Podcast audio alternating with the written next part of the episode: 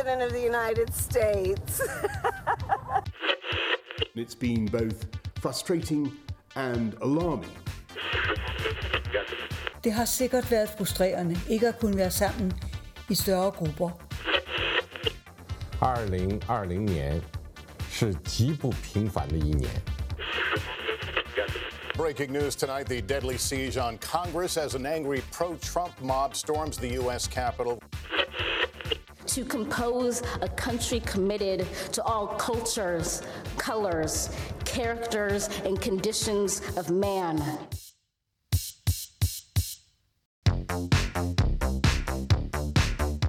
Góðan dag kæri hlustendur þeir að hlusta á heimskviður. Ég heiti Guðmundur Björn Þorbjörnsson. Og ég heiti Birta Björnsdóttir. Í heimskviðum er fjallað um það sem gerist ekki á Íslandi.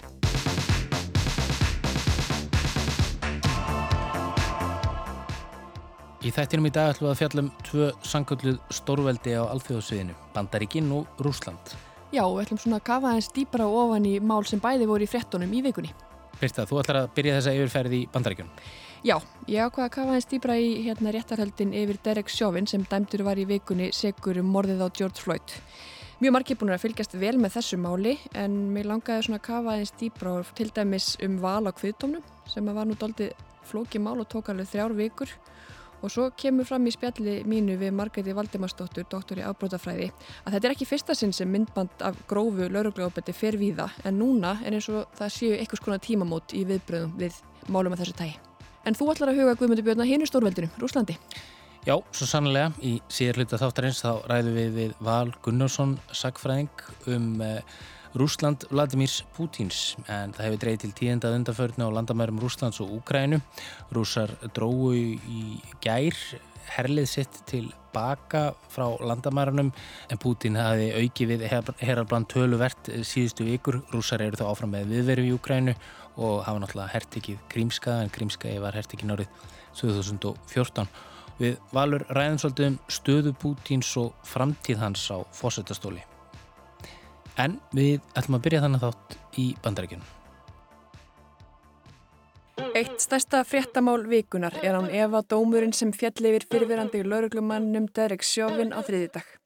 Hann ber ábyrða því að George Floyd er ekki lengur meðalvor. Tólf manna kviðdómur úrskurðaði Chauvin segan í öllum þremur ákjæruatriðum. Ákjæruatriðin voru sem sagt þrjú, annarar gráðu morð, morð af þriðju gráðu og svo manndráp. Byrjum á að staldraðins við þarna, hvað þýðir þetta og af hverju er þetta svona flókið? Eins og alltaf er vissara að leita til þeirra sem vita meira. Ég ringdi í Margreti Valdimarsdóttur. Ég er afbrotafræðingur og lektor í lauruglufræði við Háskólan Akureyri. Og það er rétt sér, þetta er flókið og meiri segja þannig flókið að annarstigsmórð í Minnesota er ekki endilega sama á annarstigsmórð í öðru fylgi í bandaríkjónum. Þessi, þessi ákjæra sem er þannig þessi alvarlegasta ákjæra sem, sem merkir að hámars refsingur 40 ár uh, í fangelsi er þannig að sjófinn það þarf ekki að sanna að hann hefði ætlað, ætlað sér að drepa flóið en þeir, það, það þurfti að sanna að færa rauk fyrir því að hann væri að fremja viljandi líkamsárás sem hefði leitt til dauða Floyd og hann hefði mátt vita. En ekki endilega þetta er unintentional murder er kallað ansku og þar er leiðandi að, að ekki hann hafi endilega ætlað sér að drepa en þetta er alvarlegt vegna þess að í þessari ákjæru er það að hann hafi verið viljandi að fremja líkamsárast sem er auðvitað bara mjög sérstakt eða sko sérstakt í ljósi sögunar yfir hvers konar ákjærur lauruglur eru yfirleitt eða eru yfirleitt koma á lauruglur þegar þær hérna e, drepa borgara. Ákjæratriðin voru ekki eina flækjustíð þessu máli. Þegar ljóst var að sjófinn yrði ákjærður fyrir framgöngu sína gagvart George Floyd þarna í mægi fyrra þurfti að skipa kviðdóm. Já, það var tölverkt flóknara í þessu máli heldur en svona hérna venjan er og þá sérstaklega kannski vegna þess að markmið er alltaf að velja kviðdómendur sem að geta verið hlutlösir, sem er ekki fyrirfram búinir að dæma uh, ákjör, þann ákjörða sem segan eða saglösa. geta hlustað á öll gögn og mynda sér skoðun út frá því. En í, í þessu máli var það sérstaklega erfitt vegna þess að allir í samfélaginu voru búinir að sjá myndbandið aftur og aftur og heyra fréttaflutning af málinu stöðugt síðustu mánuði.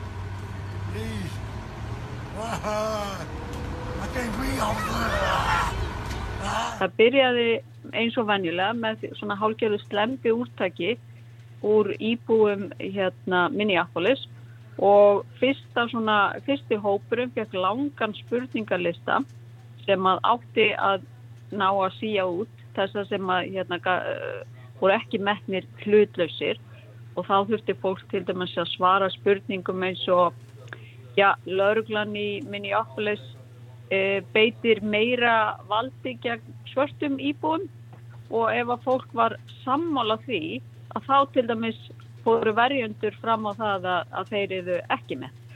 Og svo eftir að farið var yfir niðurstöður þessar spurningalista þá var stór hópur um 100 manns sem að þá dómarar, verjöndur og saksóknarar hafðu tækifæri til þess að spyrja spjörunum úr og svona komast að því hvort að hérna, þeir varu hæfir í raun og veru til þess að vera í, að, sem kviðdómyndur og þá voru, það var svolítið áhugavert að því að, eins og ég segi, allir búinir að sjá myndbandir og svo eiginlega allir sem voru þarna í þessum hópi eh, töldu að sjófinn hefði beitt of miklu valdi, þetta hefði ekki verið eðlilegt.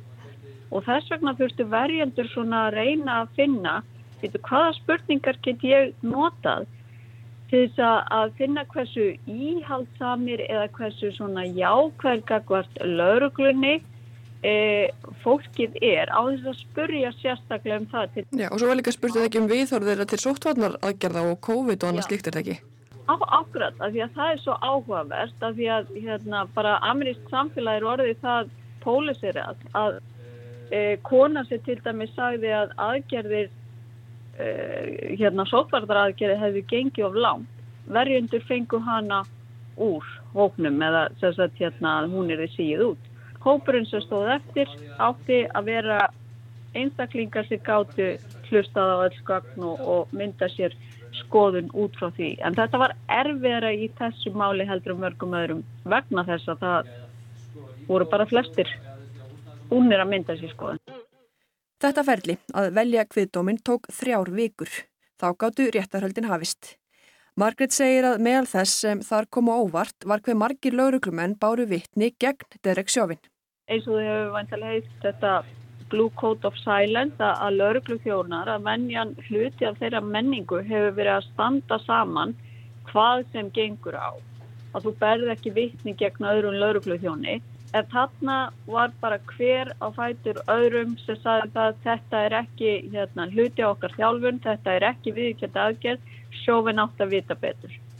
En svo fekk verjandi reyndan annan laurugluþjón til að koma að segja að þetta væri uh, hluti af því sem að, að hérna, viðgengst í lauruglunum minni í ákveðs og þetta sko leggja nýsitt á háls uh, einstaklinga er í raun að vera samt tilgreint í uh, námsefni lauruglunar en það sem þessi lauruglutjóna voru að benda á er að jú, þetta er hluti á námsefninu að, en, en ekki í þessu tilfelli ekki þegar maðurinn er komin í handjá og liggur á gödunni og, og, hérna, og það stafar engi sérstök hætt á hann og ekki kannski heila næstu tíu mínútur Nei og einmitt og allur þessi tími það er náttúrulega hérna hann vó mjög þúnt og, og saksóknarar eh, lögðu mikla áherslu á þennan langa tíma aftur og aftur. Já, það tók þrjár vikur að velja kviðdómin og vittnareðslunar tóku svo aðrar þrjár vikur. Kviðdómurinn var svo aðeins um tíu klukkustundir að komast að þeirri niðurstöðu að sjófinn væri segur í öllum ákjæruatriðum. Þetta er mjög stuttu tími og þetta hefur greinlega ekki verið erfitt val fyrir þessar kviðdómundur. Bandaríkinn heldu eiginlega öll niður í sér andanum á meðan kviðdómurinn var að komast að sinni niðurstöðu. Floyd er ekki fyrsti maðurinn sem deyri haldi laurugli í bandaríkjónum. Af hverju allir þetta mál hafi vakið svona ofsalega mikla aðtegli?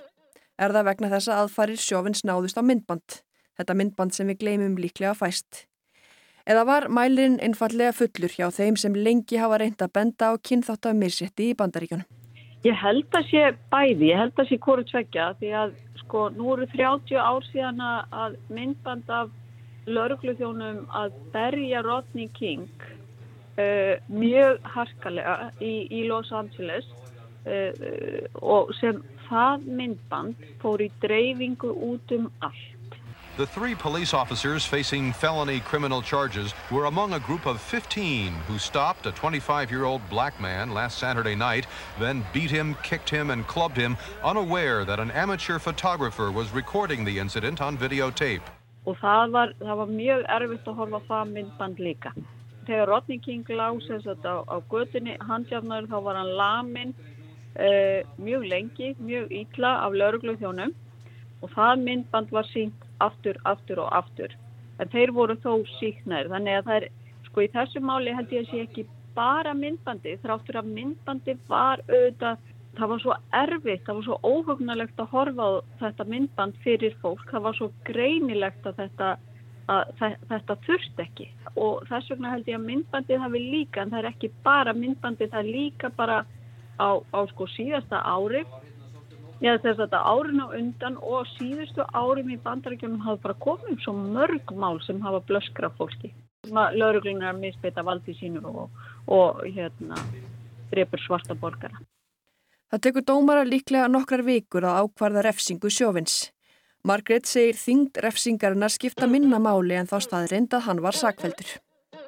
Ég held að þessi sakvelding hafi skipt alveg svakalega miklu máli og ég held að nánast allir séu sammála um það að hann var réttilega sakveldur og ég held kannski að, að þyngd refsingarinnan muni vega aðeins minna. Og hvað gerist nú, einmitt, hversu miklu máli skiptir þetta? Þetta, þetta eru ákveðin, þetta er breyting. Þetta er raunveruleg breyting vegna þess að hérna það er bara svo laung saga af síknidómum í svipuðum málum. Einn afleiðinga er fyrir hugud innan ús endurskoðun hjá lauruglu embættinu í Minneapolis. Hún eldist til dæmis ekkert sérstaklega vel fréttatilkynningin sem lauruglu embættið í Minneapolis sendi út rétt eftir dauða George Floyd. Þar segir meðal annars Maður lést vegna veikinda í aðgerðum lauruglum. Og svo einnig Lauruglumenn handjárnuðu hinn grunaða og tóku eftir því að hann virtist verið að klíma við einhvers konar vannlíðan eða veikindi. Lauruglumennir ringdu á sjúkrabíl, maðurinn var fluttur á sjúkrahús þar sem hann lést skömmu síðar. Og þessi sko úttekt sem er verið að fara að gera núna á lauruglunni minni í okkulista sem á að reyna að skera úr um það, hvort að sjóminn hafi verið eitt skemmt eppli eða hluti af kerfisbundinni misbeitingu valskjag svörtu fólki minni í okkulist Ég held að svo úttækt sé hérna, mikilvæg og bara það að það sé farið að tala um svona brot sem kerfisbundin vanda en ekki að hérna, einstaka lauruglu þjótt sé að haga sér á slæmanhá. Ég held að það sé mikilvægt og það sem er sko, uh, ég er að sjá núna til dæmis, er að að stóra kannanir, ekki bara í Minnesota eða Minneapolis heldur bara víðar, er að sína það að hópurinn meðal kvítra sem er sammála því að lörglan hérna mismunni svörtu fólki hefur stækkað frá því sem að var sko fyrir árið eða tveimur áru síðan. Þannig að það eru fleiri kvítir að opna augun í bandaríkunum fyrir því að þetta er raunverulegt vandamál og svo þarf bara að koma í ljós verður einhver breyting, einhver veruleg breyting af þjálfun og mentulörgluna því ég held að það sé muni skipta miklu máli. Hugmyndin um að þetta sé kerfisbundin vandi hann er svona svo hugmyndir að breyðast út og ég held að það sé gott.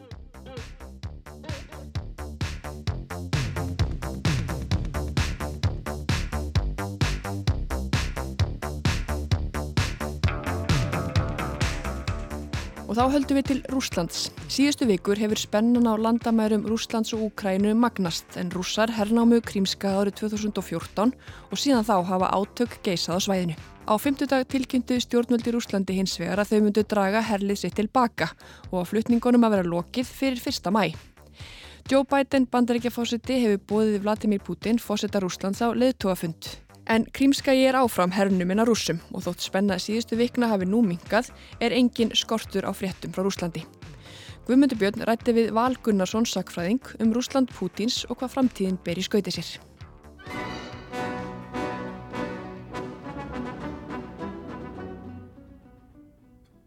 Tuttugast á annan februar 2014 reyðist rúsneski herininn á Krímskaga í austurluta Úkrænu og hertók svæðið. Síðan þá hafa rússar og úkrænumenn barist á svæðinu en yfiráðin eru rússa. Alþjóðasamfélagið og samtöku á borfið Amnesty International hafa fordæmt innrás rússa inn í fullvalda ríki og sakað rúsnesk stjórnvöldum að brjóta alþjóðasáttmála og vegað sjálfstæði Úkrænu. Mörgur ríki hafa lagt viðskiptaþvinganir á rússa í kjölfarið. En hvers vegna reyðust rússar inn á Krímskaga árið 2014? Uh, ástæðan fyrir því er í stuttumáli bara það sem er að gerast í Úkrænu á þeim tímapunkti. Uh, innan Úkrænu takast á Európa-sinnar um, og, og Rúsland-sinnar sem eru meira tengdur eftir hérannum. Þetta er Valur Gunnarsson, sakfræðingur og sérfræðingur í málöfnum Rúslands. Valur hefur undanfatna tvo áratvíi fylst náið með málum í Rúslandi og fyrrum Sovjetríkjunum og hefur meðal annars búið bæði í Pétursborg í Rúslandi og Kænugarði í Úkrænu. Hann gaf nýverið út bókina Bjarmalönd sem fjallar um Rúsland, Úkrænu og nágræni í nútíð, fortíð og framtíð. Evrópusinnarnir í Úkrænu vildu fjarlægast Rúsland, segir Valur, en þar býr líka fjöldi fólks sem lítur á sig sem rúsa. Viktor Janukovic hafi verið fósiti frá árinu 2010 og var langt komin í samningaviðræðandið Evrópusambandið um viðskiptasamning svipaðan því og við þekkjum úr EES samstarfinu. Sá samningur hefði fært Úkrænu nær Evrópusambandinu sem er eitthvað sem marga úkrænumenn, sérstaklega í vestur hluta landsins, dreymir um.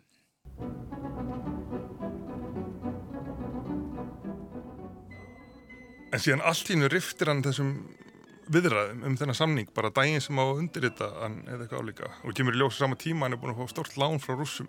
Og, og Putin er þarna að reyna um yfirlega samning. Og þá er það alveg óbóðslega mótmæli sem að breytast í byltingu þar sem að þau hundra mann stegja Janúkovic flýr yfir til Rúslands og uh, mjög uh, Európusinnið ríkistótt tekur við og þingið setur lög sem banna rúsnesku sem ofinbært máli í östuhýröðunum tekur þér þetta tilbaka því þetta er náttúrulega farunleg lögjöf en þetta er nótlis að erkja úkrænumenn um, rúsnesku mannaldi sem að er þetta mjög margi rúsnesku mannaldi en það er sumir aðna sérstaklega östuhýröðunum sem, sem að nánast líta á sig sem rúsa Um 17% úkrænumanna eru rússar en mun fleiri líta á sig sem rússa menningarlega og sögulega. Og í suður og austur hlutalandsins eru margir sem tala ekki einu svona úkrænsku, heldur aðeins rúsnesku.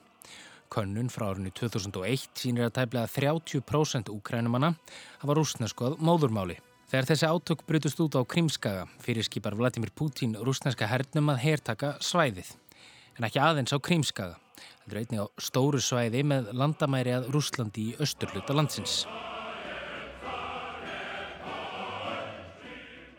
Talið er að í kringum 10.000 manns hafi látist í þessum átökum, þar hafi yfir 3.000 almennir borgarar. Að einhverju leiti má segja að landvinningar Pútins á Krímskaga og Donbass svæðinu hafi komið upp í hendurnar á Pútin, þar sem stuðningsmenn hans og Rúslands úkrænumegin hafi sjálfur reysið upp. Hann stökk því á gott tækifæri. Já og síðan erum við hvað til uppreysna viða í Suður og austur Úkræna en það er í Donbass-svæðinu, þessu Donetsk og Luhansk, þar bregðast menn við og taka yfir stjórnarbyggingar. Úkræna hér á að sendra svæðið, þannig kemur ljósa að Úkræna á ekki hér, það eru hérna herrfóringirnar eru búin að selja öll vopnin að úkrænskum sið. Það er mjög gætnan að menn komast í embættistöðurna þá selja það bara allt sem að þeir hérna hafa umsjón yfir eh, skóla eftir að selja skóla. Þannig að sjálfbáðarsveitir úr byltingunni fara á stað til að berjast við aðskilnaða sinna sem að aftur fá stuðning frá rússum og uh, það er hægt barist 2014-2015 en síðan uh, er samið einhvers konar vopna hlýja og, og þetta er nú búið að vera sem kallað er low intensity war síðan það sem eru nokkru drefnir í hverju mánu þetta er ekki, ja. ekki, ekki alveg vopna hlýja en ekki heldur alveg stór stríð Síðustu vikur hafa verið nokkuð órólegar bæði á Krímskaga og Donbass svæðinu. Rússar jöku við herlið sitt á svæðinu og heldu umfóksmiklar heræfingar á Krímskaga. Ríki á Vesturlöndum gaggrindu þetta útspil rússa mjög á meðan rússar söruðu því til að þeim væri frjálst að gera það sem þeim síndist innan sinna landamæra. Pútín sjálfur hefur sagt að Vesturlönd mætti ekki fara yfir strikið hér og skipta sér af innaríkismálum Rúslands. Sergei Sjókó, varnamálar á þeirra Rúslands, tilkynnti svo í fyrra dag að þetta viðbótar herlið þyrði dreyið tilbaka og erið að fullu farið fyrir fyrsta mæ, þar sem markmið æfingarinnar hefði að fullu gengið eftir. Rússar eru þó áfram með herlið í Úkrænu og hafa alls ekki higgjuð að láta krímskag af hendi. En ljóst tekir nú að rússar munu allavega ekki ráðast enn frekarinn í nágrannaríki sitt, líkt og óttast var, að minnstakosti ekki í bráð. Í kjölfar þess að rússar jöku við herlið sitt á landamærunum hafði Joe Biden bandrækjafósetti samband við Putin og bauð honum að hittast á formlegum leðtóafindi. Valur Gunnarsson segir að Putin hafi þarna mögulega fengið ymitt það sem hann vildi. Að Joe Biden hafi blikkað á undan í þessari störukjækni sem hefur varað mellir bandaríkjan og rússa, já, allt frá dögum kaldastrýsins.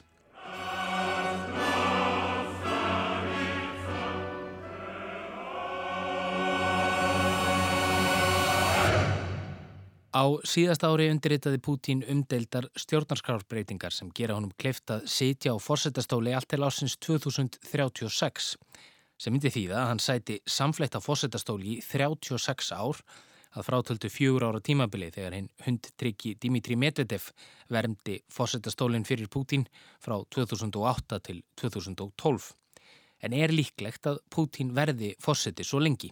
Það er náttúrulega veit engin sko, hann er alltaf að senda út misvísandi skilabóð með það, alltaf halda öllum að nálum. Uh, við náttúrulega veitum aldrei hvað gerist en við getum teiknað sviðsmyndir eins og allir er núna vanir að gera í kofinu og hérna uh, á einum endanum er bara sá möguleik að Pútin einhverja siti til 2036 þannig að hann 84 ára gammal um, sem manni finnst að sjálfur sér óvísanda því að það er, það er mikið lengur stöðunum, þetta er fyrir að minna svolítið á, á hérna Sovjetriki Brestnefs um, það er kannski ekki stór krísa en það er auðvist að það er ekkert nýtt að fara að gerast, það er einhver nýjar efnæði sem betur að fara að koma og hann er þegar búin að sitja í 22 ár og það er spurning sko sem útalt fólk hefur náttúrulega á hinum enda hvarðans er uh, bara bilding, hvort sem það er litabilding eða, eða rúsnesk bilding með því uh, með allt það sem það fylgur í sér en, en fólk er úr lítið spennt fyrir slíku sko, það er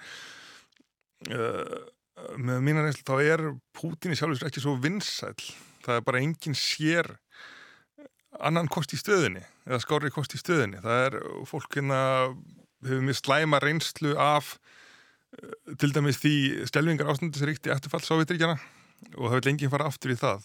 Það verið seint sagt að Pútín eða flokkur hans saminaður Úsland hafi nokkur tíman þurft að mæta verðu um stjórnaranstæðingi í kostningum.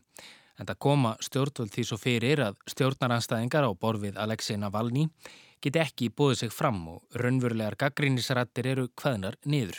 Jújú, jú það er passað upp á það vissulega og það að skuli hafa tekið svona hart á Navalni núna og, og öllum líkindum eitra fyrir honum og síðan stúkið fangilsi, það getur líka mert eitthvað sko. Að hérna eins og Gandhi saði, fyrst hunsaði og síðan eh, hlæjaði þig og síðan óttasti þig og síðan vinnuru sko. Að stefna Putin hefur svolítið verið bara að hunsa Navalni og segja að hann, hann skiptir einhver máli en núna er auðvist að Putin er farin óttast hann Navalny hefur ítrekkað hvart kjósendur til að styðja við bak þess frambjóðenda eða flokks sem er líklegastur til þess að geta veitt saminuður Úslandi einhverja mótspyrnu. Það eru þingkostningar í Úslandi í haust en með Navalny í fangelsi er fátum fína drætti. Sko kommunistaflokkurinn sem er ekki gamlu kommunistaflokkurinn sem var enduristu 92, hann nú ennþá aðna, bara miklu minni heldur en hann var og, og maður segja kannski að síðustu umvöru að frálsugkostningan í Úslandi var 96 þegar hann fór fram En að öllu þessu gefnu þá er hardla ólíklegt að það verði raunveruleg valdaskipti í Rúslandi en það sem að gæti gerst er að ef að Pútín fyrir að vera það óvinnsæll eða virðist að hann sé að missa tökina málum og hann verður óvinnsæll að hverju árið verðist vera og yngra fólk maðurlega minni trú á hann bara með hverju morgangi þá er að skaplega líklegt að hann á einhverju tímabundi verði látin stíga til hliðar sko. Frá því ágúst síðastlinum hefur almenningur í Kvítarúslandi krafist þess að fósiti síðustu 27 ára, Aleksandr Lukashenka, fari frá völdum. Lukashenka líst yfir stórsigri í fósettakostningum en líklegt tekir að þeim úslitum hafi verið hagrætt enda nýtur Lukashenka lítils stuðnings í heimalandinu.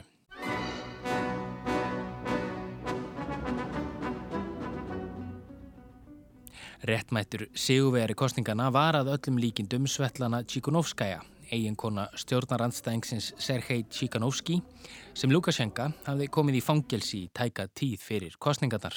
Nú er Alexei Navalny sem fyrir segir í fangelsi og segir valur það geti vel gerst að mótmæla alda brjótist út í Rúslandi næsta höst, farið svo að flokkur Pútins vinni stórs sigur. En það er óleiklegt að það hafa eitthvað að segja um stöðu Pútins. Kostninga svindl eða ásakanir um slíkt er ekki nýjaf nálinni í Rúslandi.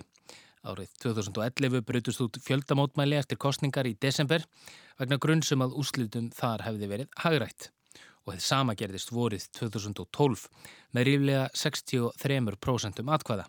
Þá var Pútín að setjast öðru sinni á fórsættastól en árin 2008 til 2012 gengdi hann stöðu fórsættis ráþara fyrsta tímbili frá 2000-2008 var talsveit mikið vinsall og hérna en og hefði nú líklega sko bæði rússavegn og allra annara átt að yfirgefa sviðið þá og, og, og gerði mjög margt gott á svona fyrsta kjörtímbili því ég er ekki neita, hann kom böndum á alla þessu óbúslu mafíu starfsemi og endur ríkisvætti og olíufyrirtækin og, og lífstir rússa bötnum mjög mikið. En eftir hann snýri aftur 2012 þá virðast hennilega að vera uppiskopp með hugmyndir og, hérna, og það mæta hann miklu meiri mótmælendur en hann bjóst við og síðan þá er hann búin að stjórna annars vegar með hardri, hardri hendi, hins vegar uh, með uh, því að egna mannum saman gegn umheiminum eða, eða stíga fram kannski vendar í Rúslands gegn umheiminum.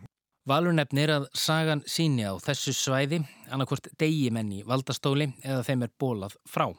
Einadæmið um að einhver hafi stíð sjálf viljur frá borði er Boris Jeltsin, fyrirrennari Pútins. Það er ekki ósennilegt hvort sem það gerist í haust eða einhver tíman á næstu 15 árum að Pútin stíði til hliðar. Um, Annarkostur er gert að gera það eða bara kýsa að gera það sjálfur og, og uh, einhver úr einsta ring tæki við. Maður myndi núna helstu veði á mistúsin fórstisræðra sem verður að vinsalli heldur en Pútin meðan almennis í dag. Mikael Mishustín sem Valur nefnir hér tók við sem fósettisar á þeirra við upphaf síðasta árs. Hvort hann verði næsti fósettir Úslands og hvenar á eftir að koma í ljós. Og þótt Mishustín sé vinsæl er hann líka náinn samstagsmaður Pútins og vinsældir hans sína þó kannski svart á kvítu hvað samband almennings í landinu við stjórnvöld er flókið. Alþjóðasamfélagið hefur lagt hennar ímsu viðskiptaþvinganir á rúsa sem rúsneskur almenningur líður fyrir en Um leið eru rússar þjóðurnis sinnaður mjög og það er Pútín líka. Rússar eiga í sérstaklega sambandi við, við yfirvöld sem að byggjast ekki að trösta þau heldur bara sko í bestafalla þeir geti haldið friðinum sko en, en eiga síðan allir mjög stoltir og, og þjóðurnis sinna sko og, og allir eru reyði búin til þess að deyja fyrir Rúslandið þegar þess kemur sko þannig við skulum ekki, ruggla þessu saman þannig að alþjóðlega þrýstingur á Pútín getur bara mögulega orkað tvímælis alveg svo alveg svo mögulega triði það að Bolsjevikum sigur að vestuveldin hófi afskýttur rúsnsku bildingun og þeir alltaf virtist vera vendara Rúslands frekar heldur en kvilliða sko. Valur nefndi hér áðan að á síðara kjörtjembili sínu virðist Pútín hafa svolítið staðnað og hver skildi þá framtíðarsín Pútíns og Rúslands vera? Valur segir hana nokkuð óskýra. Það koma mjög reglulega upp í Rúslandi einhverja svona óbóðslegar hugmyndir um mikla framkvæmdir í Asjuhlutanum eða eitthvað slíkt sko en, uh, en það verður aldrei neitt úr því sko uh, það eina sem þeir gera er, er að selja ólí og gas og timbur sko þeim er ekki tekist að myndirna er útflugningsverður En hvað með að styrkja sér þessi sem, sem stórveldi á alþjóðavettvangi vera áfram einhvers konar svona huglag ógn við Vesturlund? Jú, það uh, er það sem Putin hefur visslega verið að gera á þessu setna tímabili og hérna tekist ágæðlega upp í um, rússar hafa gert því mjög gildandi á allþjóðsamfélaginu og það er náttúrulega vinsaldir hans voru í hæstu hæðum eftir hann leðið undir þessi krímska Já, veru rúsneska hersins í nágrannaríkinu Úkrænur hverginæri lokið og stríðið í Donbass er ekki að glæðja neitt og frekari æfintýri eru ekki líkleg til vinsalda í Rúslandi, segir Valur En það sem Pútín getur næst á er óttin við útlönd og svo mýta að ef ekki væri fyrir hann, tæki eitthvað enn verra við. Það er erfitt að spá fyrir um framtíðina, almennt og kannski sérstaklega í Rúslandi. Pútín setur áfram við völd og kannski til ásins 2036, við vitum það ekki. En einn daginn mun hann hætta og þá er verðt að spyrja hvernig færir maður völd til á milli kynnslóða í ríki sem er ekki líðræðisríki eins og við eigum að þekka það. Það er ekki augljóst, segir Valur.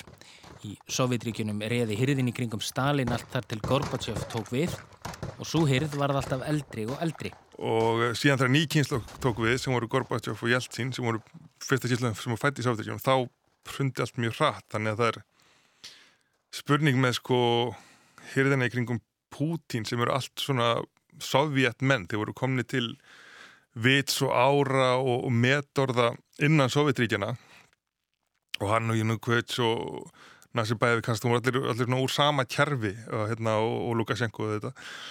Um, þeir verða eldri og eldri náttúrulega en, en síðan náttúrulega önnu kynslu sem Navalny representerar hann hef gammal lífið 44 ára.